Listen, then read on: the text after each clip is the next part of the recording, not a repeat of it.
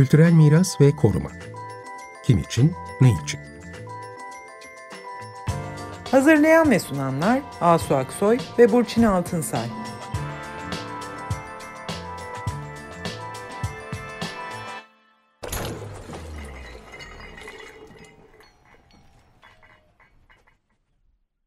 Merhaba, iyi akşamlar. Ben Burçin Altınsay. Merhabalar, ben Asu Aksoy. Bu akşam İstanbul'un dünya mirası alanı olan Karasurlarında, Karasurlarıyla birlikte hayat bulmuş olan tarihi bostanların bir parçasında yine bir yıkımla karşı karşıyayız. Bu konuyu konuşacağız. Konuğumuz Profesör Doktor Cemal Kafadar. Kendisini de birazdan tanıtacağız. Hoş geldin diyeceğiz. Ben bir kısa giriş yapmak istiyorum şimdi ne oluyor e, diye. Çünkü geçtiğimiz günlerde bu Karasurlarındaki ön surla ana sur arasında kalan orası böyle özel bir bölge Peribolos adı verilen bölümde yer alan bostanlar İstanbul Büyükşehir Belediyesi'nin yürüttüğü sur restorasyon ve peyzaj düzenleme çalışmaları kapsamında yerlerinden söküldüler. E, iş makinaları e, bu sahaya girdiler ve aslında tohumları yeni atılmış bu bostanlık alanlar e, buradan e, bu tarihi bostanlık alanlar e, buralardan çıkarıldılar. Bu çok üzücü bir uygulama çünkü bu bostanlar aslında tarihi Karasurlarıyla aynı tarihselliği paylaşıyorlar. Ve bu bostanların değersiz görüldüğüne dair böyle bir yeniden bir e, manzarayla karşı karşıya kaldık. E, bunun üzerine 2013'ten beri Karasurlarının bostanları ile birlikte korunması ve yaşatılması için mücadele veren Tarihi Yedikule Bostanlarını koruma girişimi bugün yani 9 Ocak pazartesi günü bir basın toplantısı düzenledi. Bostanların ortaya çıkış tarihinin Karasurlarının yapımı ile eş zamanlı olduğuna işaret ediyor bu girişim başından beri. Ve e, bugüne kadar bu iki kültür varlığının bostanlarla surların birlikte gelebilmiş olmasının dünyada eşi benzeri bulunmayan özgün bir durum olduğunu söylüyor ve yine basın toplantısında bunu vurguladı. Kara surları varlığı üzerine nasıl titreniyorsa aynı şekilde neden bostanlarda aynı titizlikle korunmuyor? Tam tersine neden bu bostanlar sökülüp atılmaya devam ediliyor bugün gördüğümüz gibi? Girişim bu soruları sordu ve girişimin bu üzüntüsünü ve tepkisini biz de paylaşıyoruz. Sur bostanları gerek tarihi değeri bakımından, gerekse de İstanbul şehrine sunduğu yerel gıda üretimi hizmeti açısından el üstünde tutulması gereken bir kültür varlığı. İşte biz şimdi bu bostanların bir tarihi kültür varlığı olarak anlamını, önemini konuşmak üzere konuğumuz tarihçi Profesör Cemal Kafadar ile beraberiz. Hoş geldiniz Cemal Hocam. Hoş bulduk. Teşekkür Hoş geldiniz Cemal Bey. Sağ olun ee, davetiniz için. Evet aslında biz de 2021 yılının başında İBB tarafından bu restorasyonlar başladığında ki evet karasurlarının korunması çok önemli bir şey. O günlerde de yine radyo programları yapmıştık. Onu da hatırlatalım. 2021 yılı Şubat ve Mart aylarında girişimden başka arkadaşlarımızla bostanların surlarla birlikte varlığının çok önemli ve eşsiz bir değer olduğunu konuşmuştuk o zaman da. Bu işler ilk başladığında bunu konuşmuştuk. Bugün de Cemal Kafadar'la tekrar bu konuyu biraz da geçmişine giderek konuşacağız. Cemal Kafadar'ı tanıtmaya pek gerek yok aslında ama yine de bir söyleyelim. Harvard Üniversitesi'nde tarih profesörü pek çok çalışma alanının yanı sıra İstanbul üzerine de biraz fazlaca e, çalışıyor. Çünkü tabii İstanbullu kendisi de esasen ve Türkiye'de de yayınlanmış çok e, ilginç ve önemli üç tane kitabı var Metis yayınlarından çıkmış. Biri Kim Var imiş Biz Burada Yok iken, diğeri kendine ait bir Roma, diğeri de İki Cihan Aresinde. Burada da hep İstanbul teması kitaplarda da var değil mi hocam? Öyle İstanbul'dan çıkış yok. Kavafis'in şiirindeki gibi. Şehir evet. Başka şehir bulamadım. Hoş geldiniz tekrar. Hoş bulduk. Şimdi ilk sorumuzu da ben soruyorum. Ee, evet kara surları Theodosius zamanında yapılmış. 1600 yılı aşkın bir zamandır ayakta durmayı başarmış bir tarihi varlık, bir savunma yapısı. bu savunma yapısıyla birlikte oldukça eskiden beri bostanlar da var e, yanında içinde. Bu nasıl olmuş? Yani surlar şehri savunmak için inşa edilmiş surlarla birlikte bu bostanlar hemen yanında nasıl gelişmiş? Ve bu bir de başka örneği de olmayan bir şey yani bu kadar birliktelik. Siz bir tarihçi gözüyle bize bunu anlatır mısınız? Ee, anlatmaya çalışayım kısaca anladığım şekliyle. Surlar tabii savunma yapısı öncelikli olarak ilk yapıldıklarında ama o zaman bile tek başına veya sadece savunma işlevi yok surların. Her zaman için savunma yapısı olmanın ötesinde şeyler. Fiziksel ve toplumsal bir organizma diyebileceğimiz şehrin tamamlayıcı bir parçası. Mesela çeşitli yerlerinde dünyanın sur veya kale dışında hemen çarşı pazar kurulması adeti çok eskiye gider ve o çarşılar bugüne bazıları gelen e, önemli mesela tahta kalemiz bizim ya da Bursa'nın tahta kalesi. Kale evet. altı anlamındaki Arapça kelimeden gelen tahta kala. Yani Bostanla sur birlikteliği ise biraz değişik. Mesela deminki konuya dönersek at pazarları da genellikle hep sur dibinde kurulmuş. Hayvanlarla ilgili belli endüstriler mesela debbalık gibi, dericilik gibi surun hemen dibinde değilse dahi sur dışında o dokuya oldukça yakın bir şekilde yerleştirilmiş. Bunun tabii açıklanabilir e, yönleri var, sebepleri var. E, bostanlara gelince şimdi o daha sur yapılmadan öncesine giden bir yeşil ve su kültü alanı İstanbul'un. Yani Balıklı Ayazması benim gözümde evet. bu açıdan en önemli varlıktır. Ayasofya gibi İstanbul'un en kadim manevi kült alanlarından birisidir. Ve sonuç olarak bir bina ile ilgili değil bu. Bina bildiğiniz gibi bugünkü haliyle 19. yüzyıl binası çok da hoş. Evet. Ama suyun kendisi bilinişi, değerlendirilişi ta 5. 6. yüzyıla kadar iniyor Bizans döneminde. E, şimdi yeniden e, Sur'a dönersek Osmanlı döneminde fetihten hemen sonra e, surlar savunma fonksiyonunu giderek yitiriyor. Sırf İstanbul'da da değil Osmanlı şehirlerinin çoğu fethedilen kalelerin, surların dışına taşıyor diye evet. meslektaşımız bu konularda yayınlar yaptı. İstanbul'da da savunma fonksiyonunu yitiren ama şifalı, bereketli su kültüyle bilinen, tabii kültün ötesinde maddi somut olarak su kaynakları var orada. Ayrıca surun hendeklerinin kendisi her yerde her zaman e, nispeten verimli topraklar oluşturmuştur. İstanbul'da böyle bir konfigürasyon Bizans döneminde de tarım yapıldığını biliyorduk ama özellikle bu spesifik haliyle bostancılık 16-17. yüzyıldan beri İstanbul'da sur çevresinde gelenekleşmiş, zanaatlaşmış, yerleşmiş bir uygulama. Yani 16. 17. yüzyıla ilişkin hatta takım haritalar değil mi? Bir, e, 1700 kaçtır 89 mu böyle bu alan yönetim planında da geçer bunun referansı. Hı hı hı. Bir e, haritadan bahsediliyor orada ve oradaki surların e, korunması diyor ama orası sur içindeki e, bostanlar benim hatırladığım kadarıyla orada bahsedilen bostanlar.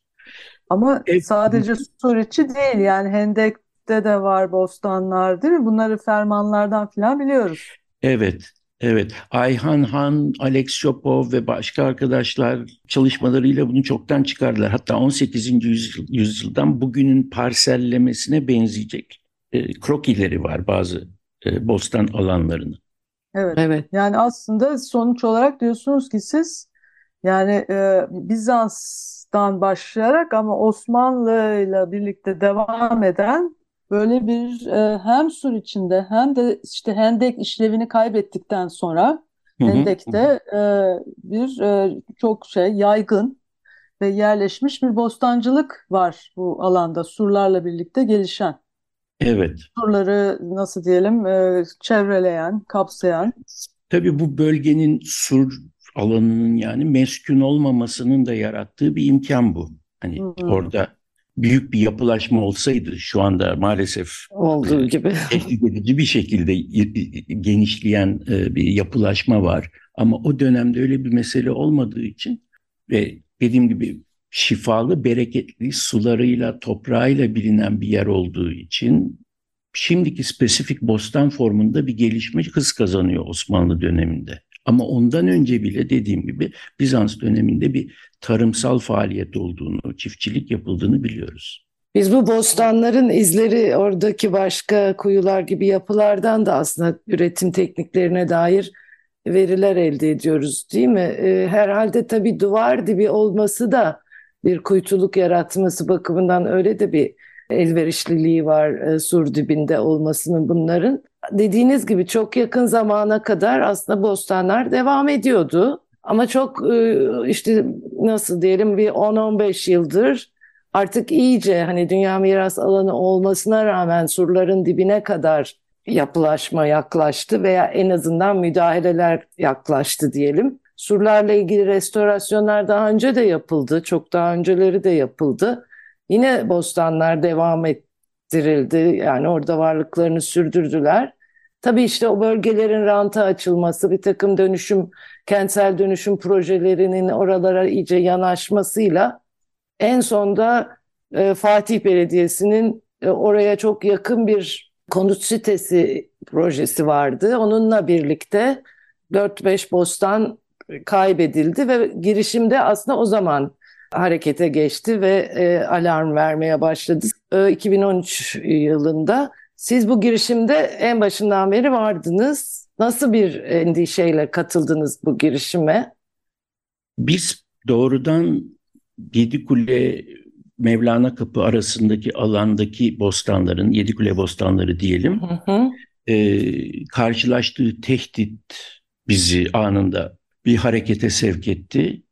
Çünkü yapılaşma o yıllarda çok hızlı bir şekilde değişik semtlerde, değişik mahallelerde e, ilerlemekteydi ve spesifik olarak bostanlarla ilgili endişelerin dışında şehirle ilgili sanırım endişeler. Hı hı. Veya bu şehir neye dönüyor? Bu şehir neye dönüşüyor meseleleri çoğumuzun zihnindeydi. Bu ikisi 2013 Temmuz'undadır ilk e, Bostanlar'da e, bir topluluk olarak bulunup en azından benim bulunduğum bir topluluk orada 2013 Temmuz'unda e, moloz dökülmüştü sizin tam anlattığınız gibi bir yapılaşma sonucu hı hı. olarak ve devamının gelmesi ihtimaliyle e, planıyla projesiyle moloz dökülmüştü. E, çok önemli bir bostan alanına ve e, basını çağırarak bir şeyler söylemek istedik.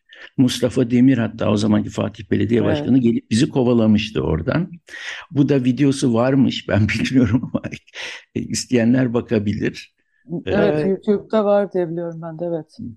O arada Gezi de olmaktaydı tabii. Tabii evet. Gezi hemen yeni olmuştu. Hassasiyetler, şehirle ilgili hassasiyetler ve aktivizm konusunda e, bir heves e, vardı. Heyecan. Doğrultaydı diyebilirim. Heyecan vardı.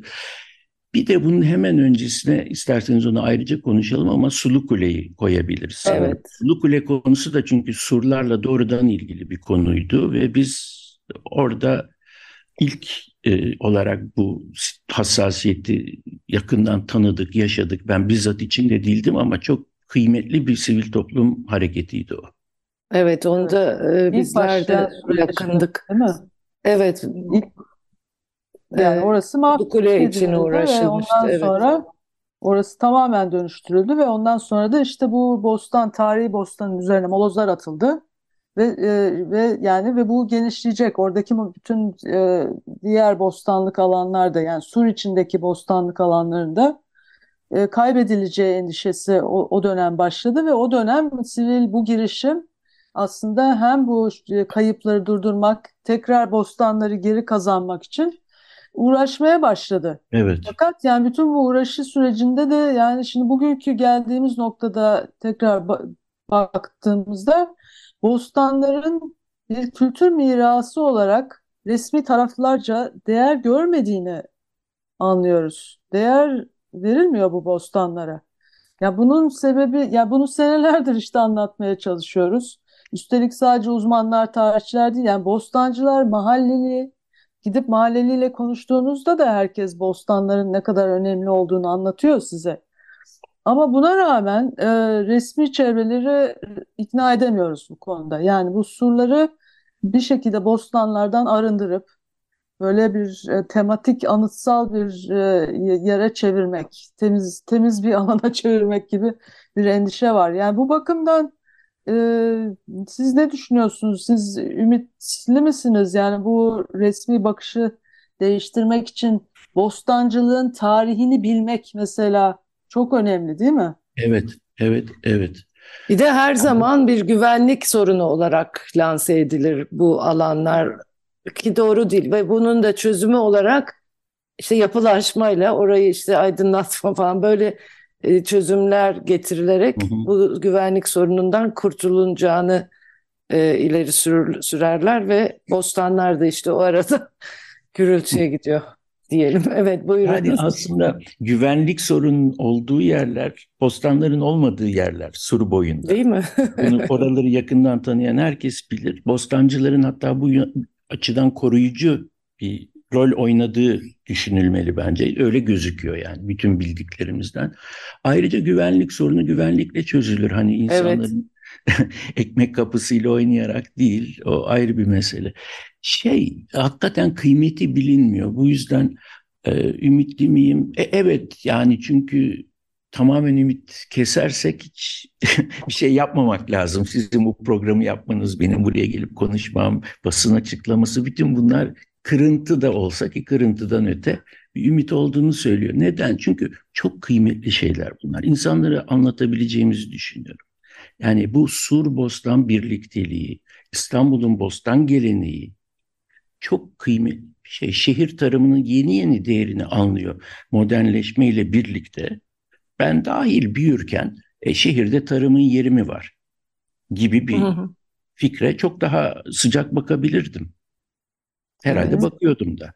Hani mesele olarak karşımıza çıkmadı o kadar. Ama köy hayatının işte geriliği, şehirleşmenin güzelliği falan filan diye hiçbir modernite narratifinin içinde Bostanlar tabii kolayca ötekileştirilen, kolayca marjinalleştirilen, değersizleştirilen bir birim oldu. Sosyolojik bir boyutu da var bence. Şimdi Sulu Kule gibi. Yani burada işinden yerinden edilecek insanlar, evet. sosyolojik olarak alt tabaka addedilen insanlar. Yani e, Sulu Kule hakikaten için gidiyor. Ve Sulu Kule'nin kulesinin sur olduğunu insanların çoğu bilmiyor sanırım. Yani oradaki kule sur, evet. oradaki evet. kule. Bir... Ve üstelik ne, şey derenin üzerinde değil mi Sulu Kule? Yani e, tam evet. sizin bahsettiğiniz tam. su kültü Bu... dediniz ya. Aslında Sulu Kule tam da onun üzerine yer, yer kenarına. Tamamen bu. yani e, Sulu Kule e, İstanbul'un bildiğimiz en uzun devamlılık gösteren sosyo-kültürel dokusu idi. Evet. Daha yeni biz kaybedene kadar aynı sosyal topluluk, aynı sosyal e, faaliyet biçimleri. İşte insanlar daha çok müzikle, dansla ilgili düşünüyor ama tabii metal endüstrisi yine surun da dibinde hep ola gelmiş. Hı hı. E, işte e, kalaycılık, lehimcilik, elekçilik. Elekçi de de var şimdi orada öyle tek başına belki gördünüz. Elekçi de de ki bizde Elekli de de diyor. Hemen e, sur kapısının dibinde işte ermişlerden olduğu addedilen bir figür. Çok da önemli bence. Hem Evliya hem Eremya ondan bahsederler ve onu şey bağlamında anlatırlar. Elek yapan Çingene Roma topluluklarının arasında anlatırlar. Çünkü hmm. elek orada yapılıyor. Metal işleri orada yapılıyor. E, zilciyan dediğimiz şu anda dünyanın belki en önemli e, hani zil e, müzik hmm. E, hmm yapımında, müzik endüstrisinde kullanılan Hı. zilleri yapan en ünlü, en başarılı şirket o da orada doğuyor. Hı. Yani sur dibinde olduğunu biliyoruz bütün bu endüstrinin. Ee, o şey Elekçia'nın şey mezarı orada mı dediniz? Elekli Dede ya da Ay, Elekçi Dede, dede diye biliniyor. Ha. Evet. Mezarı orada değil mi? Evet evet hemen e, kapının dışında şeyde. E, evet. Evet İstanbul'un evet. tarihinin aslında yani biz bir yandan da soy, somut olmayan mirasa çok önem veriyoruz. Çünkü bu tarihi oluşturan şeylerin çok önemli bir bölümü bunlar. İşte İstanbul'un aslında kent içi tarımının her yerde yapılan bir şehir olması. O tarımın bilgisi, söylediğiniz Sulukule'deki gibi başka üretimlerin İstanbul'un ayrılmaz bir parçası olması ve İstanbul yaşantısını yapan şeyler bunlar. Evet bunların somutlaştığı yerlerde işte surlar gibi mekansal ögeler. Şimdi bir de koruma açısından hani yaklaşalım. Ee, koruma kavramı da bugün çok geniş. Biz artık kültürel peyzajdan bahsediyoruz. Burada işte surlarla bostanlar birlikte orada tam da bir kültürel peyzaj örneği var ve de belki de yok başka dünyada yani bu kadar Hı hı. iç içe. Bence yok. İşte bu kavramlar bu kadar genişlemişken, bu bostanlar hazır bugünlere kadar gelmişken, kendi kendini korumuşken e, bunları e, yok etmek aslında bu kültürel miras değeri anlayışındaki e, kısıtlılığı gösteriyor. Tabii ki surlar korunacak yani surlar da çok kıymetli bir şey ama Sulukule için sizin söylediğiniz gibi şimdi bu surlarda bunlar kaba temizlik harekatları yani gerçek korumada kaba temizlik değil Güzel. ince temizlik yapılır yani Sulukule de böyle hassas bir şekilde iyileştirilebilirdi değil mi? Yani bu ufuk nasıl genişleteceğiz bunu ne yapacağız? Ne yapacağız? Kıymetini tekrar tekrar konuşacağız. Yani e, surlar tabii ki korunmalı, muazzam ama surlar sadece taş değil. Değil Yani işte taştan evet. ibaret bir varlık değil.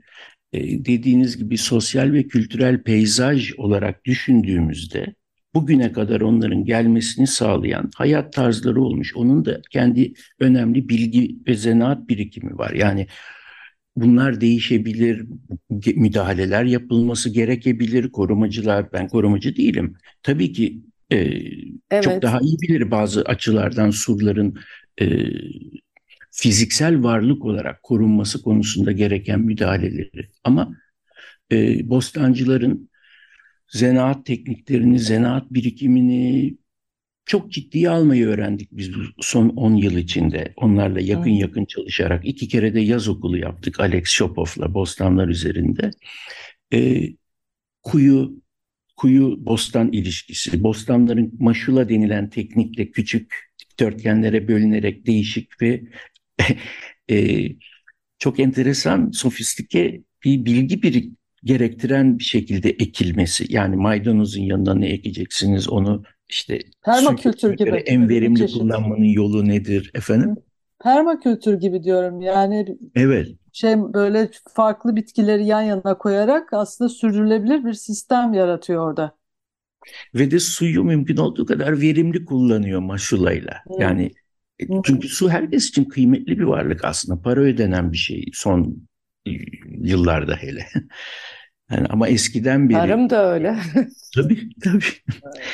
Yani onun kötüye kullananı da çiftçidir ama değerini de en iyi bilen çiftçidir. Onların o bilgisiyle çalışmak gerekir yani. Her meslekte olduğu gibi hani kötüye kullanma örnekleri gördük diye o meslekten vazgeçmiyoruz. Evet, tabii ki kesinlikle. Yani Yani evet, bizim burada beklentimiz herhalde tabii ki girişimde e, evet koruma yani restorasyon sırasında bunlar belki kaldırılmak zorunda kalmış kalınmış olabilir ama yeniden tesis edilmesi önemli olan ve bunların yerine işte bu söylediğiniz nedenlerden dolayı işte hobi bahçesi gibi şeyler bunların yerini tutmuyor. Ya da işte yeniden orada başka bir peyzaj oluşturmak işte çimen koymak Çimen falan. mesela. Bunlar e, bostanların yerini tutmadığı gibi aynı şekilde tehlikeli de olabilir eğer bostanlar tehlikeliyse. Yani bu teknik bir sorun. Biraz daha hassas bir yaklaşımla halledilmeyecek bir şey olmamalı değil mi? Çok haklısınız ve bu açıdan İstanbul bütün dünyaya e, bir ilham kaynağı, bir örnek teşkil ediyor. Evet, o kısmı çok önemli. Yani biz bahsettiğimizde çeşitli vesilelerle konferanslar dahil bu e, birikimi, bu geleneği sunduğumuzda genellikle aldığımız tepki çok olumlu oluyor ve öğrenmek istiyorlar. Buraya gelen meslektaşlarımız oldu sırf bostanları çalışmak için. Çok nadir Tabii, bir durum, nadir bir örnek. Dolayısıyla bunun kıymetini bilmek için işte konuşmaya devam edeceğiz. Ee, Tabii. devam etmemiz gerekiyor. Bunun anlaşılmasını genişletmemiz gerekiyor. Evet. İşte Ee, üstün sonra da- evrensel değer bu. Bu, bunun yazılması gerekiyor ama üstün değer, evrensel Tekrar değer tanımında gerekiyor. Evet. e, katılması da gerekiyor. Orada da yapılacak çalışmalar var. Evet, çok teşekkür ederiz. Ee, Çok Ben teşekkür teşekkürler e, Cemal Bey. Ben teşekkür ederim. Sağ olun. Hoşça iyi akşamlar.